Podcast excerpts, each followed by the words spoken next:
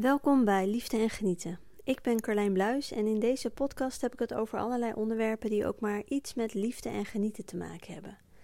En ik heb het ook vaak over sensualiteit. En misschien kan je het niet helemaal aan de titel zien deze keer, maar ook deze keer heeft het uh, raakvlak met um, sensualiteit. Want het onderwerp van deze podcast is namelijk keuzes maken. En ik heb in voorbereiding tot deze podcast gemerkt dat er heel veel bij kan kijken bij het maken van keuzes. En uh, dan bedoel ik niet de keuze aan zich, maar dat er heel veel over te vertellen is. En ik verbaasde me daar eigenlijk over, want ik had me dat vroeger nooit zo gerealiseerd. Dan, ja, ik ging er vroeger altijd vanuit van, oké, je maakt een keuze, je kiest uh, naar welke school je gaat, je kiest welke sport je wil gaan doen, of je een instrument wil gaan spelen. Je kiest welke vervolgopleiding je wil gaan doen. Je kiest wat voor een baan je hebt. En dan kies je eventueel voor een nieuwe baan. Uh, je kiest of je een relatie met iemand aan wil gaan. En of je die relatie weer uitgaat. Best wel grote keuzes ook natuurlijk. Maar dat voelt eigenlijk als hele uh, logische keuzes die we allemaal wel moeten maken. En uh, ik denk dat dat soort keuzes in ons leven blijven. Um, maar ik denk dat er nog veel meer keuzes in, onze leven, in ons leven zijn waar we niet altijd bij stilstaan. Um, en dat we er niet altijd bij stilstaan heeft vaak dan ook te maken omdat we niet kunnen kiezen, niet durven te kiezen. En wat daar dan weer achter zit, ja, dat kan ook best wel breed zijn. Dus ik merk dat het een breder onderwerp is dan ik van tevoren had gedacht. En keuzes maken is een thema wat bij mij nu ook weer gespeeld heeft. Ik heb um, eind november heb ik een uh, ayahuasca-reis weer gemaakt. En ik heb daarin een aantal dingen losgelaten, een aantal ja, versmeltingen losgelaten. En ik merkte daarna dat ik me een beetje verloren voelde. Omdat ik dus dingen los had gelaten waardoor ik uh, een beetje losgeschud was en nog niet helemaal terug was geland op mijn plekje waardoor ik vooral niet zo goed wist wat ik wilde. Dus ik merkte dat ik uh, last had van zelftwijfel. En dan niet zo van ik weet niet of ik het kan, maar meer van ik weet niet zo goed wat ik nou wel wil en wat ik niet wil. En het resultaat daarvan was dus dat ik keuzes voor me uitschoof. En nou is daar niet zo heel veel mis mee om niet altijd per direct een keuze te maken. Maar ik denk dat keuzes voor je uit blijven schuiven en niet kiezen, dat dat helemaal niet handig is. En hiermee komt ook gelijk het raakvlak voor de sensualiteit. In mijn ogen, wat er gebeurt als je geen keuzes maakt, is dan ontstaat er stagnatie. Dan blijf je dubben, dan blijf je wikken en wegen. En dan ga je niet linksaf en niet rechtsaf. Je gaat niet vooruit en je gaat niet achteruit. Je gaat niet de ene kant op, je gaat niet de andere kant op. En je blijft dus eigenlijk stilstaan. En als ik het over sensualiteit heb, als je mij daar vaker over gehoord hebt, dan gaat het natuurlijk over plezier en pleasure en seksuele energie. En over levensvreugde en levenslust en creatiekracht en intuïtie en over voelen en genieten van alle sensaties. Maar een woord wat heel erg bij sensualiteit past voor mij is stroming, beweging. Sensualiteit is voor mij geen woord wat inhoudt dat je stilstaat. Wel naar binnen keren hoort erbij, maar niet stilstaan, stagnatie niet, maar wel stroming. Daarom denk ik dus ook dat geen keuzes maken of keuzes voor je uitschuiven, dat dat dus voor stagnatie zorgt en dat dat dus ook die stroming uh, voor een deel tegenhoudt. En dat het daarom ook voor je sensualiteit of voor de hele stroming in je leven en voor het uh, voluit leven van je leven, het, het kiezen voor jezelf, het um, steeds meer jezelf worden, je steeds meer naar je eigen essentie, als dat een woord is wat je aanspreekt, daar naartoe gaan, weer steeds herkennen van, oh, dit wil ik wel, dit wil ik niet, hier word ik blij van en hier niet. Dat hele verlangen en dromen verhaal. Daarvoor is het heel erg belangrijk in mijn ogen om keuzes te maken. En dan heb ik niet zozeer de keuze over wat eet ik vanavond en wat trek ik aan vandaag, hoewel dat in sommige gevallen ook wel mee kan spelen. Maar keuzes die dus er voor jou voor doen. En dat is ook iets waar ik erachter achter kwam. Ehm, als je het hebt over, als ik het althans heb over keuzes die het voor jou voor doen, dan heb ik het niet per se over grote keuzes of kleine keuzes. Want uh, grote keuzes kunnen er te doen, bijvoorbeeld een nieuwe baan, uh, of je een relatie beëindigt, of je gaat verhuizen. Grote keuzes kunnen er te doen. Maar kleine keuzes kunnen er net zo toe doen. Want ik noemde net al het voorbeeld van wat trek ik aan in de ochtend. Maar stel dat jij heel erg gewend bent om een soort van grijze muizen onopvallende outfit aan te trekken, dan kan het voor jou een hele belangrijke keuze zijn om te zeggen van weet je wat, ik ga me anders kleden of ik ga make-up gebruiken of ik ga mijn haar anders doen of ik ga, nou ja, in mijn uiterlijke vertoning wat, wat veranderen. Dat kan een hele wezenlijke keuze zijn die voor jou heel erg belangrijk kan zijn. Hoewel het natuurlijk op het oog gezien een kleinere keuze is dan verhuizen. Dus ehm, ja, het gaat er niet om of die keuze groot is of klein is, maar het gaat er voor, om of die keuze voor jou belangrijk is of niet. En het gaat er dus ook om of de keuze belangrijk is voor jou en niet voor iemand anders. Want voor iemand anders kan van baan wisselen een kleine keuze zijn, omdat het al zo vaak gebeurd is en omdat het er ja, gewoon een stuk minder toe doet, omdat hij, wat voor reden dan ook. En voor jou kan het veel wezenlijker, eh, veel wezenlijker zijn. Uh, misschien wel omdat je in een hele andere branche gaat werken, of dat je aan de hele andere kant van het land gaat werken, wat het, wat het ook is. Dus dat wilde ik even toelichten als het gaat om keuzes maken. Dat het dus niet uitmaakt of het grote keuzes zijn of kleine keuzes. En of het dan voor iemand anders een belangrijke keuze is of niet. Het gaat erom of het voor jou wezenlijke keuzes zijn. Dus belangrijke keuzes zijn voor jou. En ik heb gemerkt dat daar best wel wat strukkelingen, weerstand, remmen, belemmeringen enzovoort op kunnen zitten. En dat het dat ervoor kan zorgen dat je dus die keuzes voor je uitschuift. Of misschien helemaal geen keuzes maakt. En um, toen dit thema op mijn pad kwam, toen ben ik ook een lijstje gaan maken van hé, hey, maar wat zijn nou de dingen waar ik een keuze voor me uitschuif, waarbij ik niet kies. En want een keuze maken hoeft niet altijd te betekenen dat je ja zegt. Een keuze kan ook betekenen dat je nee zegt. En uh, ik had een paar praktische dingen op mijn lijstje staan. Ga ik weer een uitstrijkje laten maken? Ga ik dan naar de gynaecoloog of ga ik dan naar mijn huisarts? Um, ik heb al een hele tijd last van mijn knie. Maar ga ik dan naar de fysiotherapeut of ga ik dan naar de body stress release of ga ik thuis proberen yin yoga te doen of nou ja, wat dan ook. Maar ook wat grotere keuzes over uh, opleidingen die ik wil volgen. Uh, keuzes of ik uh, binnenkort weer een andere ayahuasca-reis wil gaan maken of niet. Keuzes die wat kleiner lijken, maar die voor mij er heel erg toe doen die gaan over, uh, over mijn bedrijf, over wat ik uh, aanbied qua, qua diensten. En ik kwam erachter dat er best wel wat keuzes waren waar ik gewoon.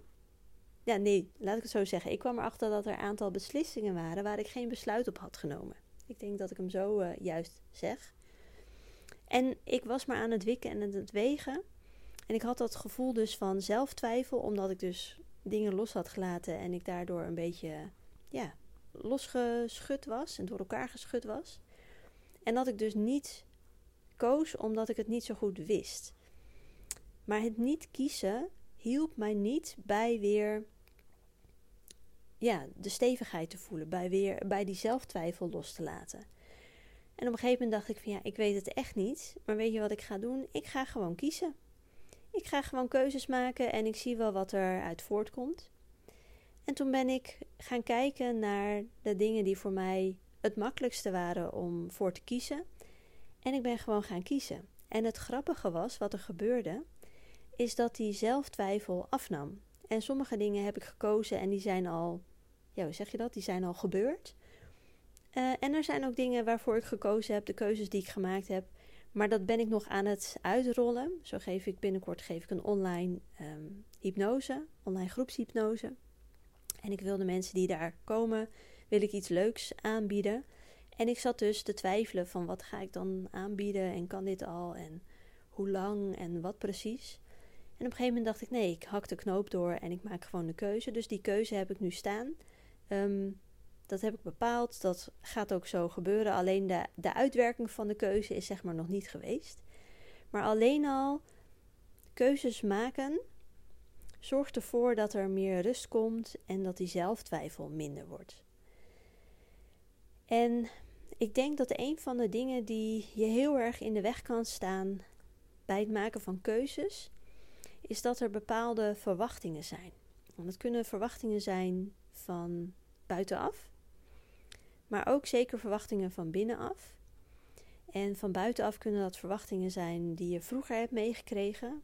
Stel je komt uit een gezin waarbij iedereen naar de universiteit is geweest, dan werd er misschien, en misschien werd dat gezegd en misschien ook niet, maar dan heb je het gevoel misschien wel dat er van jou verwacht wordt dat je ook gaat studeren. En dat je een baan zoekt die een beetje in het straatje valt van wat je ouders, broers en zussen, misschien wel opa's en oma's ook doen. En het kan ook zijn dat je uit een heel creatief gezin komt met kunstenaars en muzikanten. En dat er van jou ook verwacht wordt dat je die kant op gaat. En dat je op een gegeven moment merkt van ja, maar dit, dit is het niet voor mij. En stel je komt uit het academische gezin en je voelt dat je eigenlijk kunstenaar wil worden. Dan kunnen die verwachtingen die je mee hebt gekregen van vroeger, van dat je uh, alles uit je intelligentie moet halen en alles uit je schoolprestaties moet halen en alles uit je diploma's moet halen. Want als je die diploma's nou eenmaal hebt gehaald, dan is het zonde om daar niks mee te doen. Uh, ik heb ook een paar diploma's liggen waar ik niks meer mee doe en dat is ook helemaal oké. Maar je kunt vaak die verwachtingen hebben van, oh maar dat is zonde, dus daardoor durf ik niet te kiezen voor dat andere, ja, voor die andere keuze omdat je die verwachtingen mee hebt gekregen. Um, sorry, een beetje kriebel in mijn keel.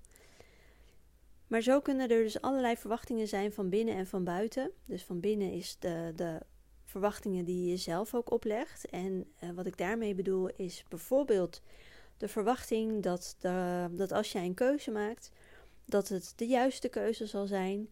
Dat andere mensen op een bepaalde manier gaan reageren dat het hartstikke soepeltjes en vlekkeloos zal gaan lopen, dat het helemaal perfect zal zijn, dat je het leuk gaat vinden waarvoor je gekozen hebt. Zo kunnen er heel veel verwachtingen opgebouwd worden. En ja, die angst dat die verwachtingen niet uit zullen komen, die kunnen je dus heel erg remmen in het maken van zo'n keuze. Ik zit even te denken of ik daar een voorbeeld van heb. Nou, stel met dat aanbod wat ik straks wil gaan doen uh, na die online hypnose.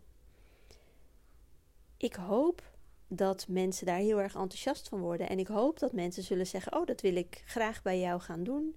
Uh, want ik vertrouw jou en dat klinkt superleuk en uh, ik wil daarvoor gaan. Maar ik weet dus niet of dat gaat gebeuren. Ik weet niet of mensen er enthousiast over zullen zijn. Ik weet niet of mensen dit willen gaan doen bij mij. En als ik mijn als ik de verwachting zou hebben dat het deze eerste keer dat ik dat zo ga aanbieden, dat het gelijk al een denderend uh, succes zal zijn en dat ik gelijk al tien mensen heb die daar ja tegen zeggen, ja, dan kan het natuurlijk behoorlijk tegenvallen. Of dan kan ik zelfs ervoor kiezen van ja, maar als ik niet zeker weet dat ik daar genoeg mensen voor zal hebben, dan kan ik maar beter een andere keuze maken. Dan kan ik maar beter niks aanbieden. Dan kan ik mensen gewoon maar zo weer terugsturen en, en ze niet verder willen helpen. Of dan kan ik maar iets aanbieden waarvan ik zeker weet dat mensen het wel willen hebben. Maar wat in mijn ogen niet het meest mooie, ideale, fijne, leuke aanbod is wat ik kan doen. Zo, zo zijn er heel veel dingen die jouw keuzes kunnen beïnvloeden. En ik denk dat er een aantal zaken zijn die je kunnen helpen in het maken van de keuzes. En nogmaals, dat zijn dus de keuzes die er voor jou toe doen, of ze nou groot zijn of klein zijn. En of andere mensen ook uh, zo'n keuze zouden maken of niet. En een van de dingen is ja, leren luisteren naar je intuïtie. En wat ik voorheen altijd dacht is: als je luistert naar je intuïtie en als je handelt naar je intuïtie, dan zal het altijd wel een keuze zijn die, door, die tot succes leidt. Waarbij succes is: um, ik haal eruit wat ik van tevoren bedacht heb. Maar ondertussen heb ik daar een andere mening over. Ik denk dat als je luistert naar je intuïtie, dat je dan de juiste keuzes zult maken. Maar dat je, dat niet betekent dat je er altijd uit zult halen wat jij van tevoren bedacht hebt. Dus dat je niet altijd aan je eigen verwachtingen zult voldoen. Maar als je steeds meer gaat luisteren naar je intuïtie en steeds meer daarnaar gaat handelen, dan zul je zien dat misschien wat eruit komt niet helemaal is wat je had verwacht van tevoren. Maar als je een week later terugkijkt, of een maand of een jaar later terugkijkt, dan kun je misschien wel zien: oh, wacht even, dat was misschien niet helemaal de uitkomst die ik had verwacht. Dus stel je kiest ervoor om een andere baan uh, te gaan zoeken, omdat je daar uh, meer van je kwaliteiten kwijt kunt. En vervolgens kom je bij die baan terecht. En uh, blijkt het saaier te zijn dat je denkt, of het, het tempo blijkt niet helemaal bij jou te passen, of de werksfeer blijkt niet helemaal bij jou te passen, of en na een jaar kom je erachter dat je in een, uh, bijna in een burn-out zit. En dat het werk waarvoor je ooit gekozen had, waarvoor je die opleiding hebt gedaan, helemaal niet meer bij je past. En dat je besluit om het over een hele andere boeg te gooien. Dan kun je natuurlijk denken van, ja, die, die, die switch van baan, dat deed ik vanwege mijn intuïtie. Mijn intuïtie zei van, ja, die baan is voor mij en dit voelt goed. En ik had verwacht dat ik daar een hele waardevolle, leuke, mooie nieuwe baan uit zou halen. Maar wat eruit kwam was een burn-out. Maar als je het vervolgens uh, van een afstandje bekijkt en als je uitzoomt, dan kun je misschien later zien van, oh wacht even, die burn-out was precies wat ik nodig had om de keuze te maken om over te stappen op een totaal andere carrière, wat veel beter bij me past. Dus op de korte termijn kan het een fout lijken, een foute, een foute keuze lijken. Maar op de lange termijn kan je zien dat het meer heeft gebracht dan je had kunnen bedenken van tevoren. Dus je intuïtie is daarin een hele belangrijke. En daarmee ook, uh, dat zit eigenlijk ook in dat stukje wat ik net vertelde, vertrouwen. Vertrouwen in jezelf.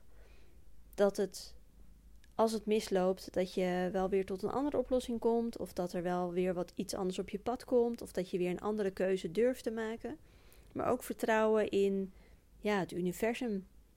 Dat alles een bedoeling heeft en dat er uiteindelijk uitkomt wat precies goed is voor jou. En dat zijn best wel twee dingen die je eventjes zo zegt van oh je moet luisteren naar je intuïtie en je moet uh, vertrouwen. Want uh, alle keuzes die je maakt, die uh, komen uiteindelijk, uh, worden die voor jou gemaakt en niet, niet tegen jou gemaakt.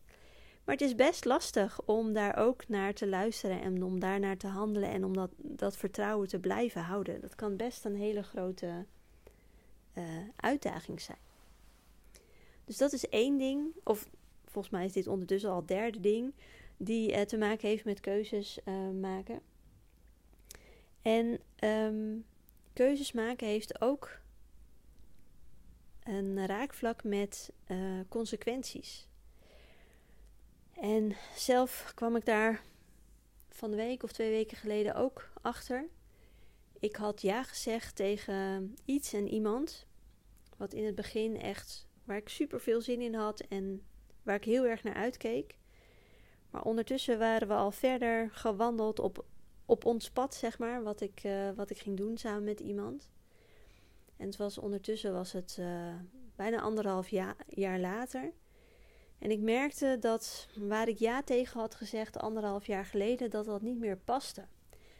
Dat ik daar niet meer zo enthousiast en vrolijk en uh, gepassioneerd over was als toen ik ja daartegen zei. En toen moest ik dus een keuze gaan maken van ja, wat, wat ga ik doen? Ga ik hiermee door? Want ik heb ja gezegd. Uh, het zal me zeker niet uh, schaden. Het zal ook zeker nog steeds interessant zijn. Maar ik had het gevoel dat ik een hele andere kant op werd getrokken. En ik realiseerde me dat als ik zou blijven bij die ja die ik anderhalf jaar geleden had gemaakt, bij die keuze die ik anderhalf jaar geleden had gemaakt, als ik daarbij zou blijven, dat dat andere pad, wat ik voel dat er aan zit te komen, en daar zal ik binnenkort wel meer over delen, maar nu nog even niet, um, dat, dat die ene ja vertraging zou uh, veroorzaken op dat, op dat andere stuk. Een beetje vaag misschien zo, maar ik denk dat je, dat je me wel begrijpt.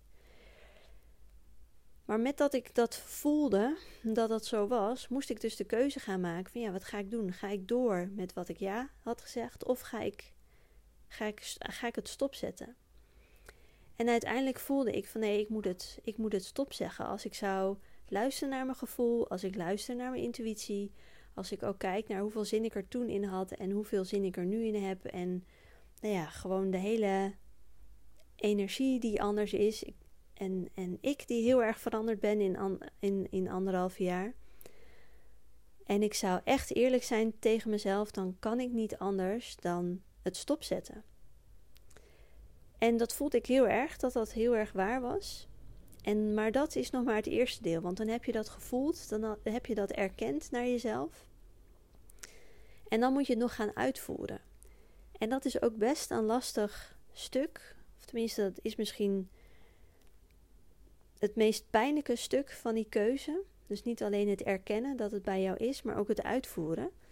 Zeker ook omdat een keuze die jij maakt, heeft bijna altijd, of misschien wel altijd, invloed op andere mensen. Want als jij ergens ja tegen zegt, zou het zomaar kunnen zijn dat iemand anders geen ja meer kan zeggen. En als jij ergens nee tegen zegt, dan kan het dus, zoals in mijn geval, betekenen dat je dus ehm, afscheid moet nemen van een stuk. En dat het heel erg pijnlijk kan zijn voor een ander. En wat doet dat dan weer vervolgens met jou? Ja, ik, had, ik voelde me heel erg schuldig en verdrietig en ontdaan over de keuze die ik had gemaakt. Ondanks dat ik voelde van ja, maar dit is voor mij de juiste keuze. Maar gewoon het feit dat je met jouw keuze, met jouw beslissing iemand anders uh, pijn doet of verdrietig maakt of boos maakt of wat het voor een emotie ook bij die ander losmaakt. Dat kan een hele grote rem zijn op het maken van die keuze. Want het kan confronterend zijn om je eigen gevoelens te erkennen en om je eigen gevoelens te voelen en te ervaren. Maar misschien is het nog wel lastiger om te zien dat een keuze die jou maakt negatieve tussen haakjes emoties triggert bij een ander. Dat is, ik vind dat heel erg intens. En omdat je ja, weet dat de meeste keuzes die je maakt een invloed hebben op andere mensen, kan het dus een ontzettende rem zijn op het maken van die keuze. Maar ja, uiteindelijk is het natuurlijk belangrijk dat je kiest voor jezelf. Maar ja, belangrijk maakt het nog niet altijd even makkelijk. Dus met dat schuldgevoel en misschien ook wel met de schaamte en het verdriet. Want vaak als je ja ergens tegen zegt, dan sluit je iets anders af. Dat kan ook voor verdriet zorgen, omdat het afscheid nemen is van iets. Daar komen best wel veel emoties bij kijken, die best wel intens kunnen zijn. En ja, emoties voelen is niet altijd even makkelijk. Zeker niet als ze intens zijn. En ook dat kan dus van invloed zijn op het maken van je keuze. En of dat dan verdriet is of angst is. Want ik noemde natuurlijk al ehm, in het begin dat ik uh, een keuze die ik voor me uitschuif is uh, of ik weer een uitstrijkje ga laten maken. En of ik dat dan bij de gynaecoloog ga doen of bij de huisarts. Ja, in principe is de keuze zo gemaakt. Um, en maakt het eigenlijk ook niet zo heel erg veel uit bij wie ik dat ga doen. Maar er zit natuurlijk een bepaalde angst, uit, van, uh, angst achter. Van ja, maar wat, wat komt er dan voor uitslag uh, uit? Oh, even misschien wel uh, als fijne kanttekening. vijf jaar geleden is er bij mij dus uitgekomen dat ik HPV heb en dat ik ook afwijkende cellen had. En dat was, oh jee, pap 3 geloof ik, met zin 2. Nou ja, als je daar bekend in bent, daar kwam dus uit van ja, er zijn afwijkende cellen. En dan word je ieder jaar wordt je weer gecontroleerd. En dan ehm, houden ze dat gewoon in de gaten. Dus bij mij was het uh, redelijk hoog, maar nog niet uh, dramatisch hoog. En daarna ben ik weer gecontroleerd en dan hadden ze gezien dat het weer afgenomen was. Dus uh, in principe zou je kunnen zeggen van, nou ja, het was, het was vorig jaar was het, was het goed. Dus maak gewoon maar die keuze en ga gewoon maar naar de dokter als dat het makkelijkste is. Maar wat er dus achter zit, is de emotie van, uh, van de angst. Van, oh ja, maar wat als er nu weer uitkomt dat er wel weer foute cellen zijn? Dan moet ik weer, dan zit ik weer in die, in die nou ja, onzekerheid en, en gedoe en zo. Dus er komt gewoon heel veel bij kijken, ook bij keuzes die um, eenvoudig lijken. En ik zit even te denken wat ik hier nog meer over wil, uh, kwijt wil. Nou ja, misschien een korte samenvatting van wat ik gezegd heb. Ik denk dus dat het maken van keuzes belangrijk is, omdat als je niet kiest, dan stagneert de boel. Als de boel stagneert, ja, dan uh, stroomt het niet, dan floot het niet. En geloof mij, als je ergens ervoor kiest om de boel te stagneren, dan heeft dat invloed op veel meer aspecten van je leven dan dat je ooit zou kunnen denken. Wat super irritant is, maar wel waar. um, ik heb ook nog verteld over dat ik zelf twijfel voelde en dat ik daardoor dus niet durfde te kiezen. Maar dat die zelftwijfel dus verminderd is nadat ik gewoon gekozen heb voor dingen die voor mij het makkelijk, makkelijk waren om te kiezen. En dat daarmee weer het zelfvertrouwen is teruggekomen en de stevigheid is teruggekomen en het vertrouwen is teruggekomen in mijn keuzes. Ik heb ook nog verteld dat als je je intuïtie volgt en daarmee een keuze maakt, dat dat niet altijd hoeft te betekenen dat ehm, het zo loopt zoals je van tevoren had bedacht. En dat er dus verwachtingen zijn van jezelf. En dat je dan misschien, als het anders loopt, kunt denken van oh, dit was een foute keuze. Maar als je nog even afwacht en vertrouwen hebt dat je later terug kunt kijken en denken van oh maar wacht even, dit was nodig om uiteindelijk bij dat punt te komen om weer een andere keuze te kunnen maken. Sowieso dat verwachtingen een uitdaging zijn bij het maken van keuze, omdat je vaak ook verwachtingen hebt van buitenaf over hoe het hoort, over welke keuzes of welk pad jij zou moeten uh, bewandelen. En dus dat als jij een keuze maakt, dat dat vaak ook op invloed is op de mensen om je heen. En als jij ergens ja voor zegt, dat dat misschien kan betekenen dat een ander het niet kan doen. En als jij ergens nee op zegt, dat dat kan betekenen dat iemand anders het wel moet doen. En dat iemand anders daardoor ook heel erg getriggerd kan worden in zijn of haar emoties. En dat dat vervolgens bij jou weer schuldgevoel en andere emoties kan veroorzaken. Dus er zit best wel wat haken en ogen aan het maken van keuzes. En wat ik je eigenlijk mee wil geven, um, wat je zou kunnen doen als je denkt van, oh ja, wacht even, hoe, doe ik dat eigenlijk? Hoe zit dat bij mij? Dan zou ik zeggen, begin gewoon eens met het maken van een lijstje met uh, keuzes die jij nog mag maken. En dat kunnen grote keuzes zijn, kleine keuzes zijn, keuzes die wat belangrijker zijn voor jou, keuzes die minder belangrijk zijn voor jou. Maar maak gewoon eens een lijstje.